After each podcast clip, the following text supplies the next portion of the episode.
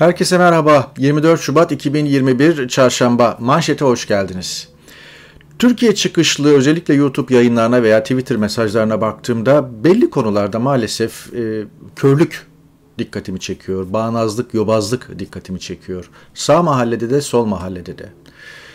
Yine yurt dışından yapılan yayınlarda da çok fazla Türkiye ile empati yapamama hali dikkatimi çekiyor. Ben de yurt dışından yayın yapıyorum. Türkiye ile çok empati yapabiliyor muyum? Yapmaya çalışıyoruz. Fakat neticede hepsini bir arada harmanlayıp bakmak gerekiyor.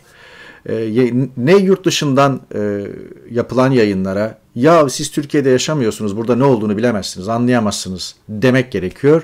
Ne de yurt içinden yapılan yayınlara aman Allah'ım işte iktidar sizi sersemletmiş ruh haliniz yerinizde değil, yerinde değil bırakın Allah aşkına falan demek gerekiyor. Elbette her iki psikolojiyi de kendi içinde değerlendirmek gerekiyor. Yani yurt içindekinin psikolojisi de iyi değil. Yurt dışındakinin psikolojisi de çok iyi değil. Ama dediğim gibi ne yapalım yani koşullar bu. O adam da oradan çıkamıyor ve belli koşullar içerisinde yayın yapıyor veya kadın. İşte bu kadın veya bu adam da yurt dışında bu biçimde yayın yapmaya çalışıyor. Her ikisi de ülkesini düşünerek bir şeyler yapmaya çalışıyor. Dikkat dikkat çekmeye çalıştığım şey şu. Belli bağnazlıklardan, yobazlıklardan, belli fikirlerin veya idollerin veya tabuların etkisi altında kalmaktan sıyrılmak gerekiyor. E, doğru değil. Yani e, ve insanlar açık olmalı bugün bu çağda, bu bilişim çağında. Doğru argümanlarla doğru analizler yapıldığında, doğru tarihi veriler falan ortaya konulduğunda evet ya bir dakika.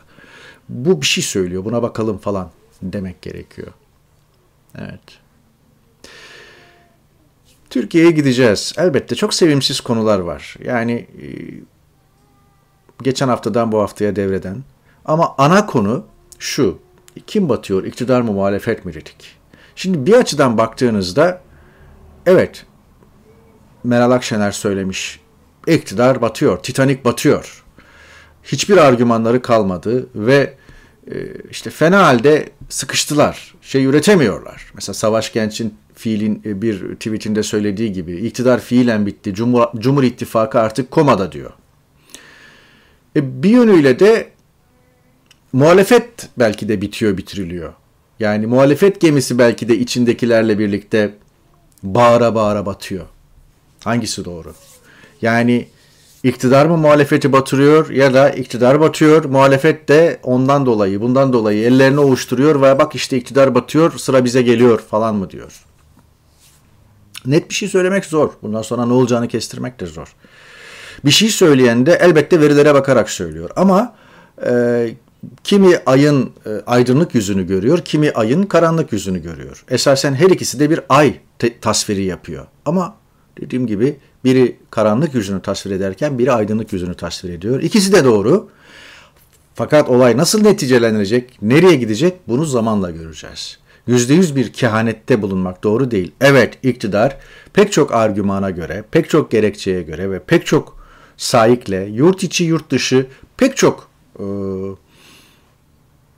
ipucu var ki pek çok artık ortada veri var ki gitti gidiyor yani yeni bir şey üretemiyor ve artık ne yaparsa yapsın bu batışı engelleyemeyecek. Ama muhalefet de bakıyorsunuz pek çok veri var ki o da kendi batışını engelleyemeyecek. İşte Erdoğan söylemiş ya 2023'te yeni bir muhalefet. Yani e, geçmişte olduğu gibi hep olmuştur. Tek adam yönetimlerinin e, şeysidir bu yani şiarıdır. Kendi muhalefetini üretmek ister yani. Ee, işte iktidara layık bir muhalefet üretelim. İşte dikensiz bir gül bahçesi. Tam muhalefet de olmalı işte olsun bir biçimde. Evet. Boğaziçi direnişiyle başlayalım bugün. Hocalarımız her gün olduğu gibi bugün de rektörlük binasına sırtlarını dönerek eylemlerine devam ediyorlar diyor Boğaziçi direnişçileri. Yeni atılmış bir tweet öğlen saatlerinde e, gerçekten Boğaziçi direnişi 50 günü geride bıraktı ve e, hocaların şu duruşu e, takdire şayan e, sırtlarını rektörlüğe dönerek 50 günü aşkın bir süredir öğrencilerle birlikte, öğrencilerle dayanışarak direniyorlar. Ve rektör Melih Bulu'yu istemiyoruz diyorlar. Son derece takdire şayan bir konu. O arada Devlet Bahçeli de ağız değiştirmiş Sevgili gençler alayınızı hasretle kucaklıyorum diyor. Hasretle kucaklarken alayınızı falan gibi bir kelime kullanılmaz. Türkçe'ye az hakim olanlar bilirler. Alayınızı bilmem ne yapacağım falan. e, gibi e, kullanılan bir laftır argoda. E, işte Bahçeli bu. Önceki dediği laflar daha orada duruyor. Mürekkebi bile kurumamışken böyle yani ne köy olur ne kasaba. E, bir kere daha söylüyorum. Devlet Bahçeli bu ülkeye ne yapmıştır? Lütfen birisi bir tane bir şey söylesin. Ama e, bu ülkeye verdiği zarar özellikle son 20 senede bu ülkenin bu noktaya gelmesinde yol açtığı tahribat kitap olur yani. Belki de onun için orada. Boğaziçi öğrenciler e, yanıt vermiş Bahçeli'ye. Öncelikle diyor dilinize doladığınız terörist kelimesinden vazgeçin. Kayyım rektör istifa etsin, polis ablukası kaldırılsın, arkadaşlarımız serbest bırakılsın. Taleplerimiz uzlaşmaya açık değil demişler. Evet. Yeni Asya sillesini yediğiniz düzen adına ahkam kesiyorsunuz. Ahmet Taş getirenden AKP'ye yola adalet diye çıktınız. Her türlü insan hakkı ihlalini görmezden geliyorsunuz. Ahmet Taş getiren AKP'nin akil adamlarından ve AKP direksiyonu zaten zulme kırdığında 2013'ten itibaren AKP saflarında e, durmayı tercih etti ve AKP'ye Erdoğan'a alabildiğine destek verdi. Kusura bakmasın e, bir dönem gerçekten saygı duyduğum bir isimdi. Aynı gazetede yazdığımız, televizyonlarda e, e, program yaptırdığımız, konuk olarak ağırladığımız bir isimdi. Çok üzgünüm onun adına. Esasen üzgün olmamak da gerekiyor. Kendi kendi tercih etti. Yani babanız yaşındaki insanların olan biteni okuyamaması siz okurken anlaşılır gibi bir şey değil. Ahmet Taş getiren şimdi az değiştirdi ama Yeni Asya'ya da manşet olmuş. Olsun ama yazık yani ayıp. Ee, kalıbının adamı değilmiş. Sadece bu kadar diyeyim. Bülbülü öldürmek e, İbrahim Özdabak karikatürü. Evet. Bülbülü öldürmek. Ömer Faruk Gergerlioğlu geçtiğimiz haftadan bu haftaya e, sosyal ağlardaki yayınlarda artık kendi mağduriyetini savunuyor. Geçen onu da söylemiş. E, Türkiye Büyük Millet Meclisi'ne geldi. Hakkında kesinleşmiş karar. Tamamen meclis başkanının iki dudağı arasında. O kararı okuttuğu anda vekilliği düşecek ve alıp cezaevine tıkacaklar. E, Twitter'da, sosyal ağlarda çok büyük bir dayanışma oldu. Yalnız değil Ömer Faruk Gergerlioğlu yalnız değil e, dayanışmaları oldu. İmza kampanyaları devam ediyor. Bu destek belki iktidara veya meclise e, bir süre e, bu adımı atmayı yani onun vekilliğini düşürme adımını atmayı erteletebilir, geciktirebilir. Ama işte demokrasinin kılıcı gibi sallanıyor bu durum Ömer Faruk Gergerlioğlu'nun boynunda ve o da bunun farkında. Anayasa Mahkemesi gazeteci Hakan Aygün'ün ey iban edenler tweetinden dolayı tutuklanmasına hak ihlali saydı ve Aygün'e 40 bin lira tazminat ödenmesine hükmetti diyor. 32 gün hapis yatmıştı Hakan Aygün. Güle güle harcasın bu parayı.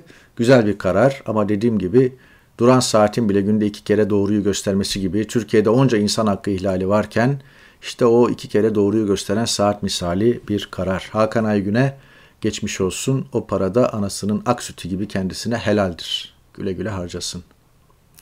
O arada işte Oda TV devam ediyor. TSK'da 22 bin kripto FETÖ'cü tespit edilmiş. Ve işte bunlar da ankesörlü şeylerden falan tespit edilmiş. Atılacaklarmış falan.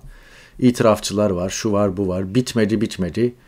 Yani bütün orduyu boşalttınız, yarıdan çoğunu attınız, askeri okulları kapattınız falan. Nasıl Türk Silahlı Kuvvetleri'nde 22 bin kripto FETÖ'cü oluyor?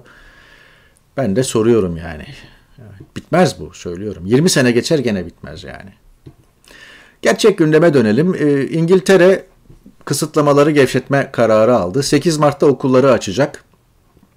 29 Mart'ta açık hava buluşmalarına yavaş yavaş izin vermeye başlayacak. 12 Nisan'da dükkanları açacak. 17 ee, Mayıs'ta kapalı mekan buluşmaları başlıyor. 21 Mayıs, 21 Haziran'dan itibaren de artık gece kulüpleri falan açılıyor ve artık tam anlamıyla kısıtlamalar kalkıyor diyebiliriz. Bunu neden yapıyor? Bunu şundan yapıyor. Nisan ortasına kadar 50 yaş üstünü aşılamayı bitirecek. Haziran sonuna Temmuz'a kadar da bütün yetişkinleri aşılamayı bitirecek. Ondan sonra da önüne bakacak. Keşke bütün ülkeler için bu durum geçerli olabilseydi. Ama Türkiye'deki manzara bugünkü milliyetten e, getiriyorum iç sayfadaki harita.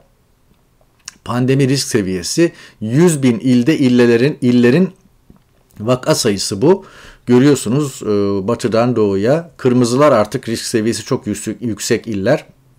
Sakarya, Konya, Aksaray ama en büyük e, şey yani 100 binde 228 vakayla Ordu e, zirvede.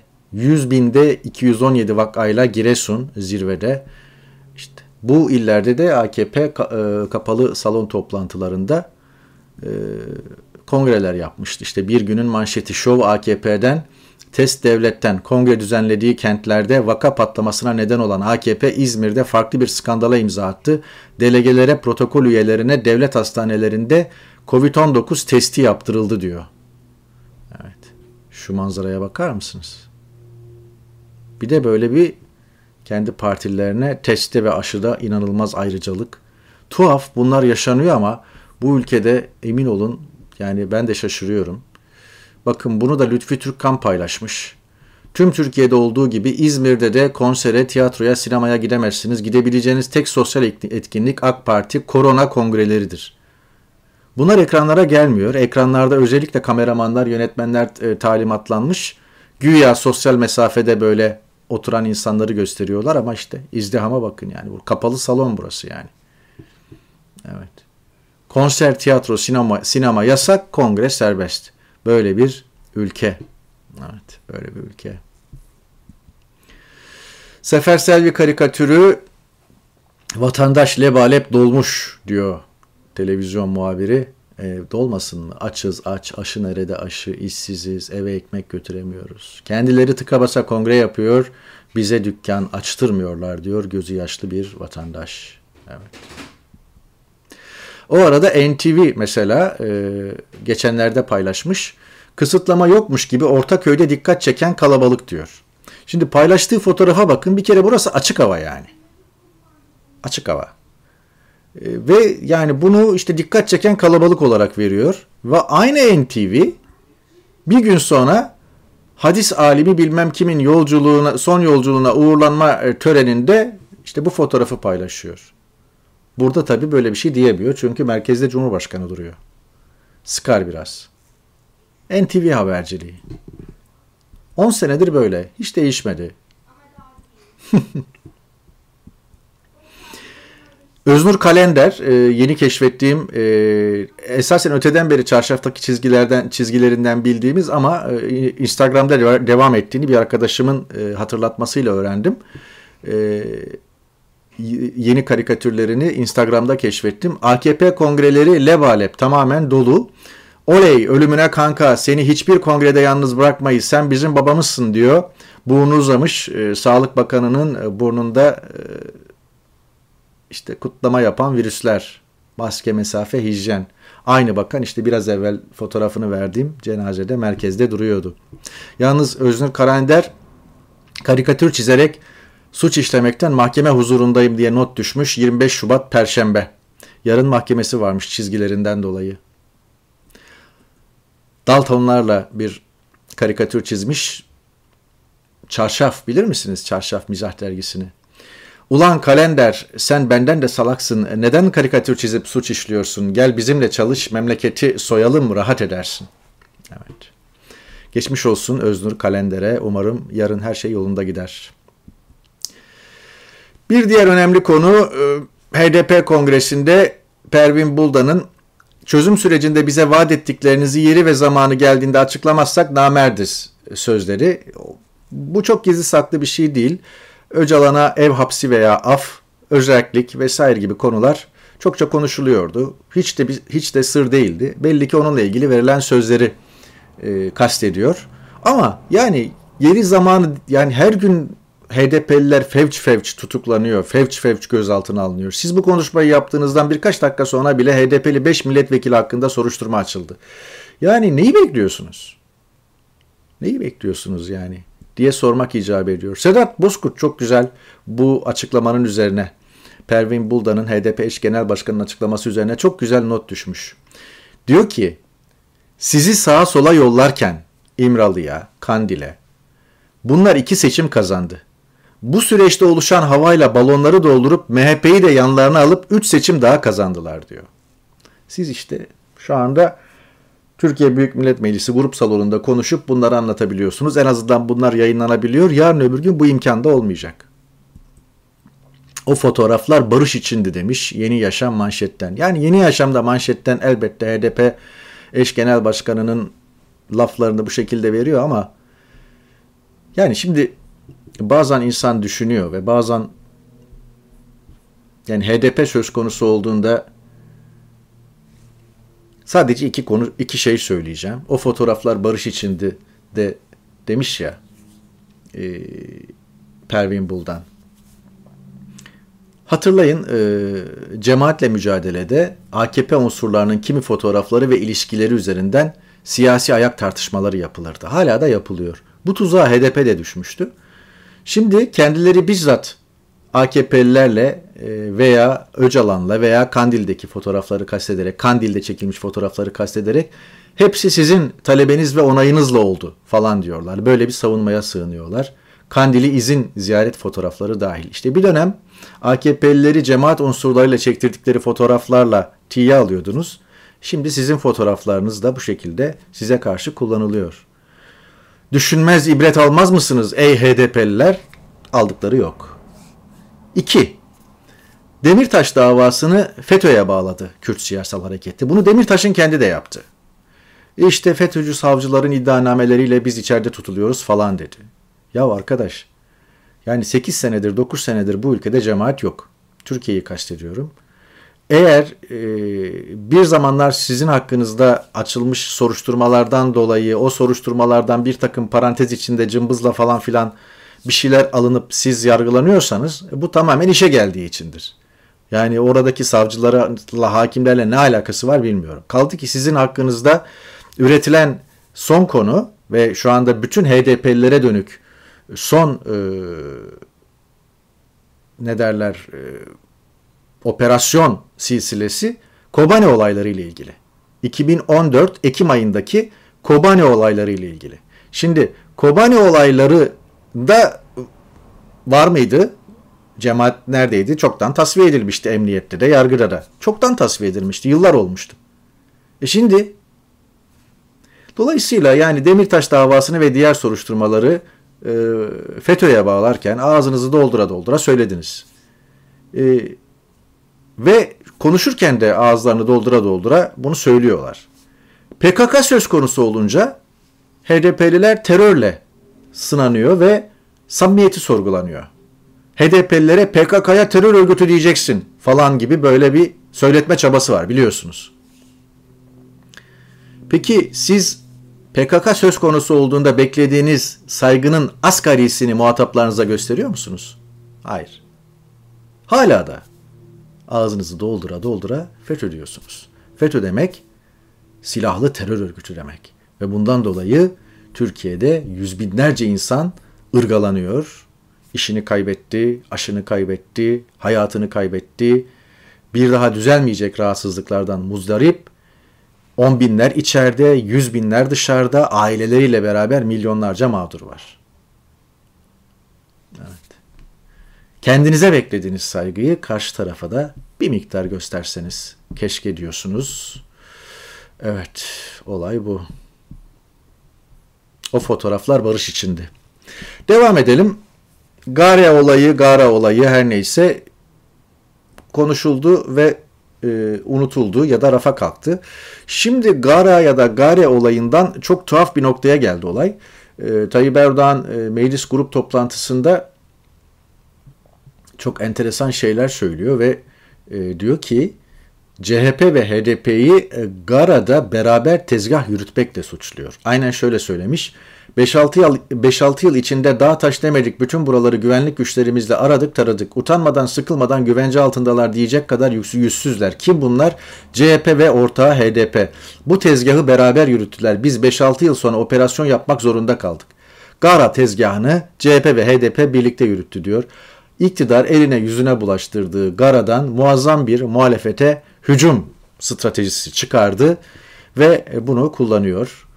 Ee, iktidar mı battı, muhalefet mi battı, kim batıyor, iktidar mı batıyor, muhalefet mi batıyor konulu yayınımızın e, Gara başlığı böylelikle Erdoğan'ın lafıyla süsleyerek e, Gara başlığını kapatıyoruz.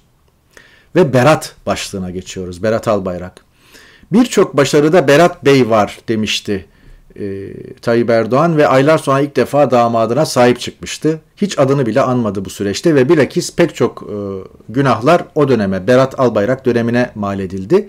Ve Berat Albayrak enteresan bir şekilde amiral gemisi Pelikan'ın ve işte e, ailenin sabah gazetesinde de köpürtülmeye başlandı. Bir sürü köşe yazısı yazıyor, köşe yazarı ondan bahsediyor. Bu da işte bugünkü sabahın ekonomi sayfasının manşeti. 3 yılda re- rekor kar İftira merkezi haline gelen muhalefetin Merkez Bankası ile ilgili yalanları bir bir çürütüldü. Berat Albayrak'ın bakanlık yaptığı dönemde Merkez Merkez Bankası'nın yıllık ortalama karı 10 kat arttı falan diyor. Yalan. Yani böyle bir şey yok.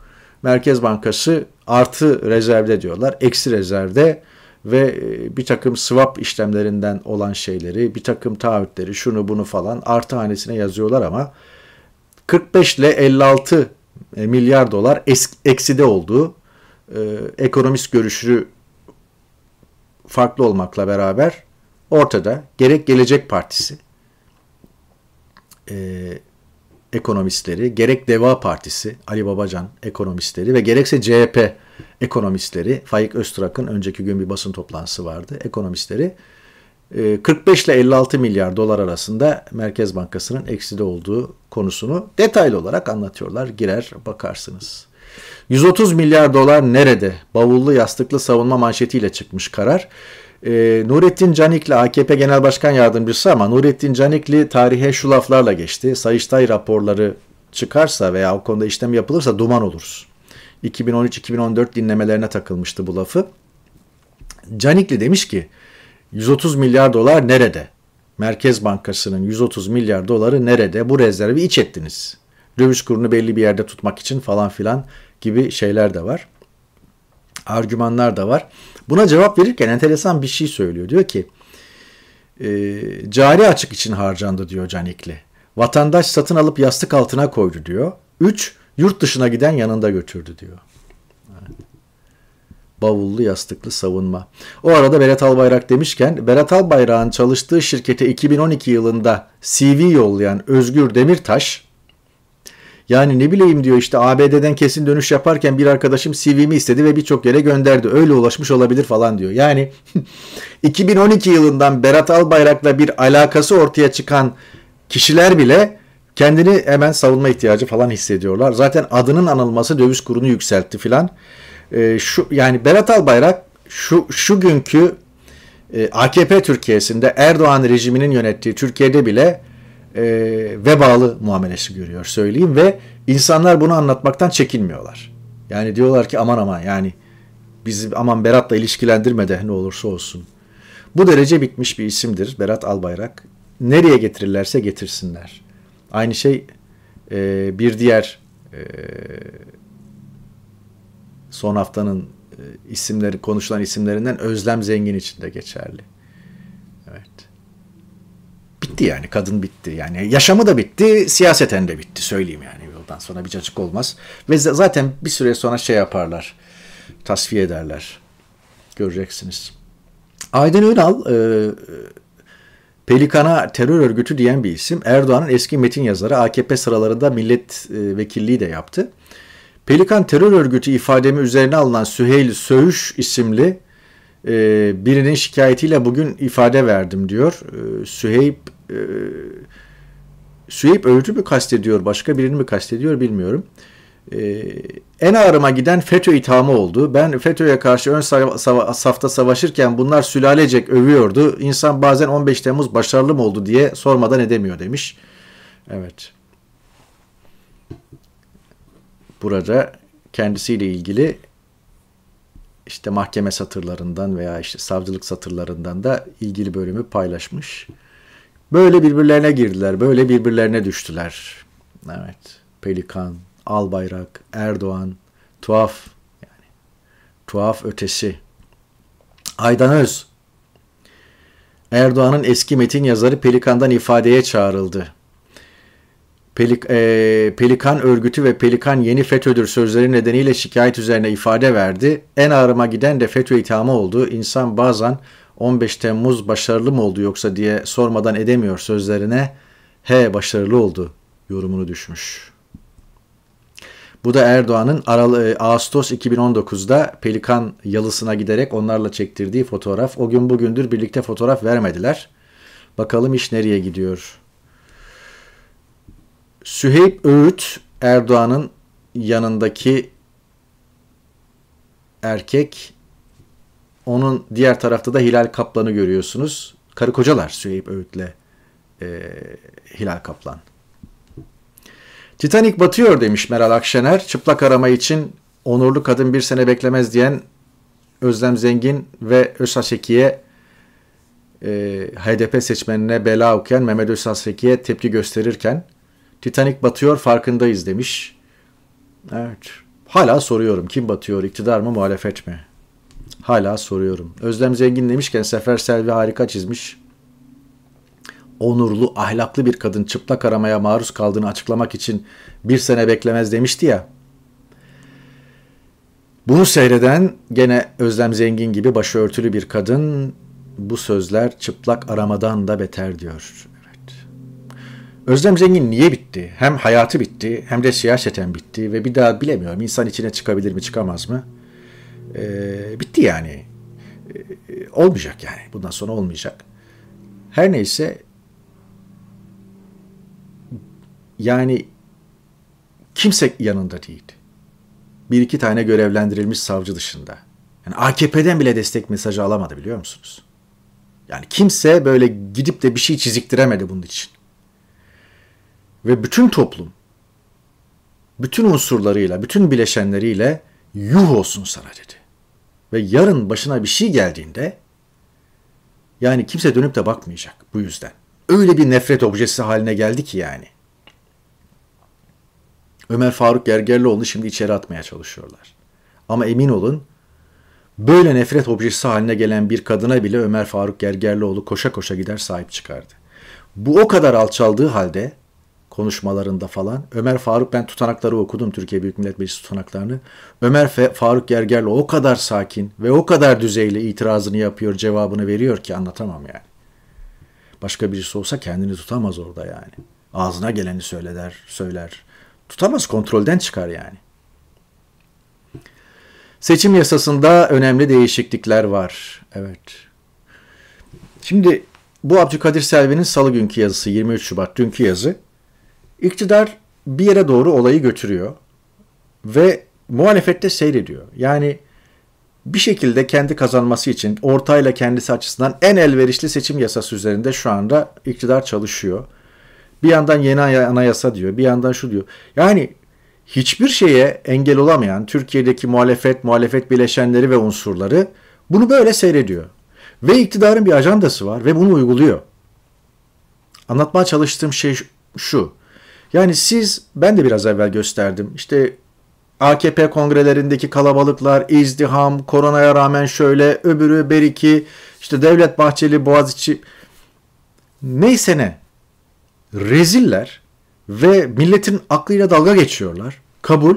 Fakat bildiği doğrultuda gidiyor. Yani dediğini yapıyor. Bildiği doğrultuda gidiyor. Asla geri adım atmıyor. AKP kongrelerini yapıyor. Büyük kongreye doğru gidiyor. Muhtemelen bir seçim hazırlığı içerisinde olabilir. E, işte yasa değişiklikleri gündemde, yeni Asya falan, yeni anayasa falan gündemde. Yarın öbür gün dokunulmazlık fezlekeleri Türkiye Büyük Millet Meclisi'ne gelecek. Dokunulmazlık fezlekeleri Türk Büyük Millet Meclisi'ne geldiğinde e işte bunlar terörist, bunlar vekil olamaz. Bunların derhal vekilliğini düşürelim, yargılayalım diyecek. İyi Parti de destek verecek buna. CHP destek vermese bile. Ve onların vekillikleri düşecek. Gene bir süre HDP'liyi atacaklar. Belki CHP'liyi de atacaklar. Yani iş bir yere doğru gidiyor. Ve iktidar asla geri adım atmıyor. Tamam milletin aklına dalga geçiyor. Tamam muhalefeti yok sayıyor. Tamam söylediği argümanlar yasalara, anayasaya her şeye aykırı. Ama adam bildiğini okuyor. Ve gümbür gümbür giderken bildiği doğrultuda çizdiği istikamette 2023'te tamamen bir dikensiz gül bahçesi Türkiye özlemiyle, kendi namına, kendi açısından, kendi bekası yönüyle yürürken Buna itiraz edenler ne yapıyor? Buna itiraz edenler böyle bir şey olabilir mi diye dövünüp duruyor yani. Şu anda olan bu. Yani görünen bu. Ve hala bir araya gelmiyor. Ve hala bir araya gelmiyor yani. Tuhaf. İstanbul'da trafik durmuş. Evet. 5 yıldır tam 5 yıl oldu. 10 Mart'ta İstanbul'dan çıkmıştım. İşte 15 gün sonra 5 yıl olacak. Trafik hep kötüydü de. Ee, şöyle diyor haberde. Ana arterlerde zirve saatlerde görmeye alışkın olduğumuz trafik son iki haftadır tüm güne yayıldı diyor. Evet. Trafikten kaçardım ben İstanbul'dayken. Ya insanlar sabahleyin trafiğe girmeden 6'larda 6.30'larda yola düşerdim. Ya da işte o sabah trafiği bittikten sonra yola düşerdim. Akşam dönüşte de aynı şeyi yapardım. Ama şimdi o da yok artık. O da bitmiş anlaşılan. Her şey duruyor yani duracak. Her şey duruyor duracak. O kadar köprü yaptınız. O kadar alt geçit üst geçit toplu taşıma falan. Ne oldu?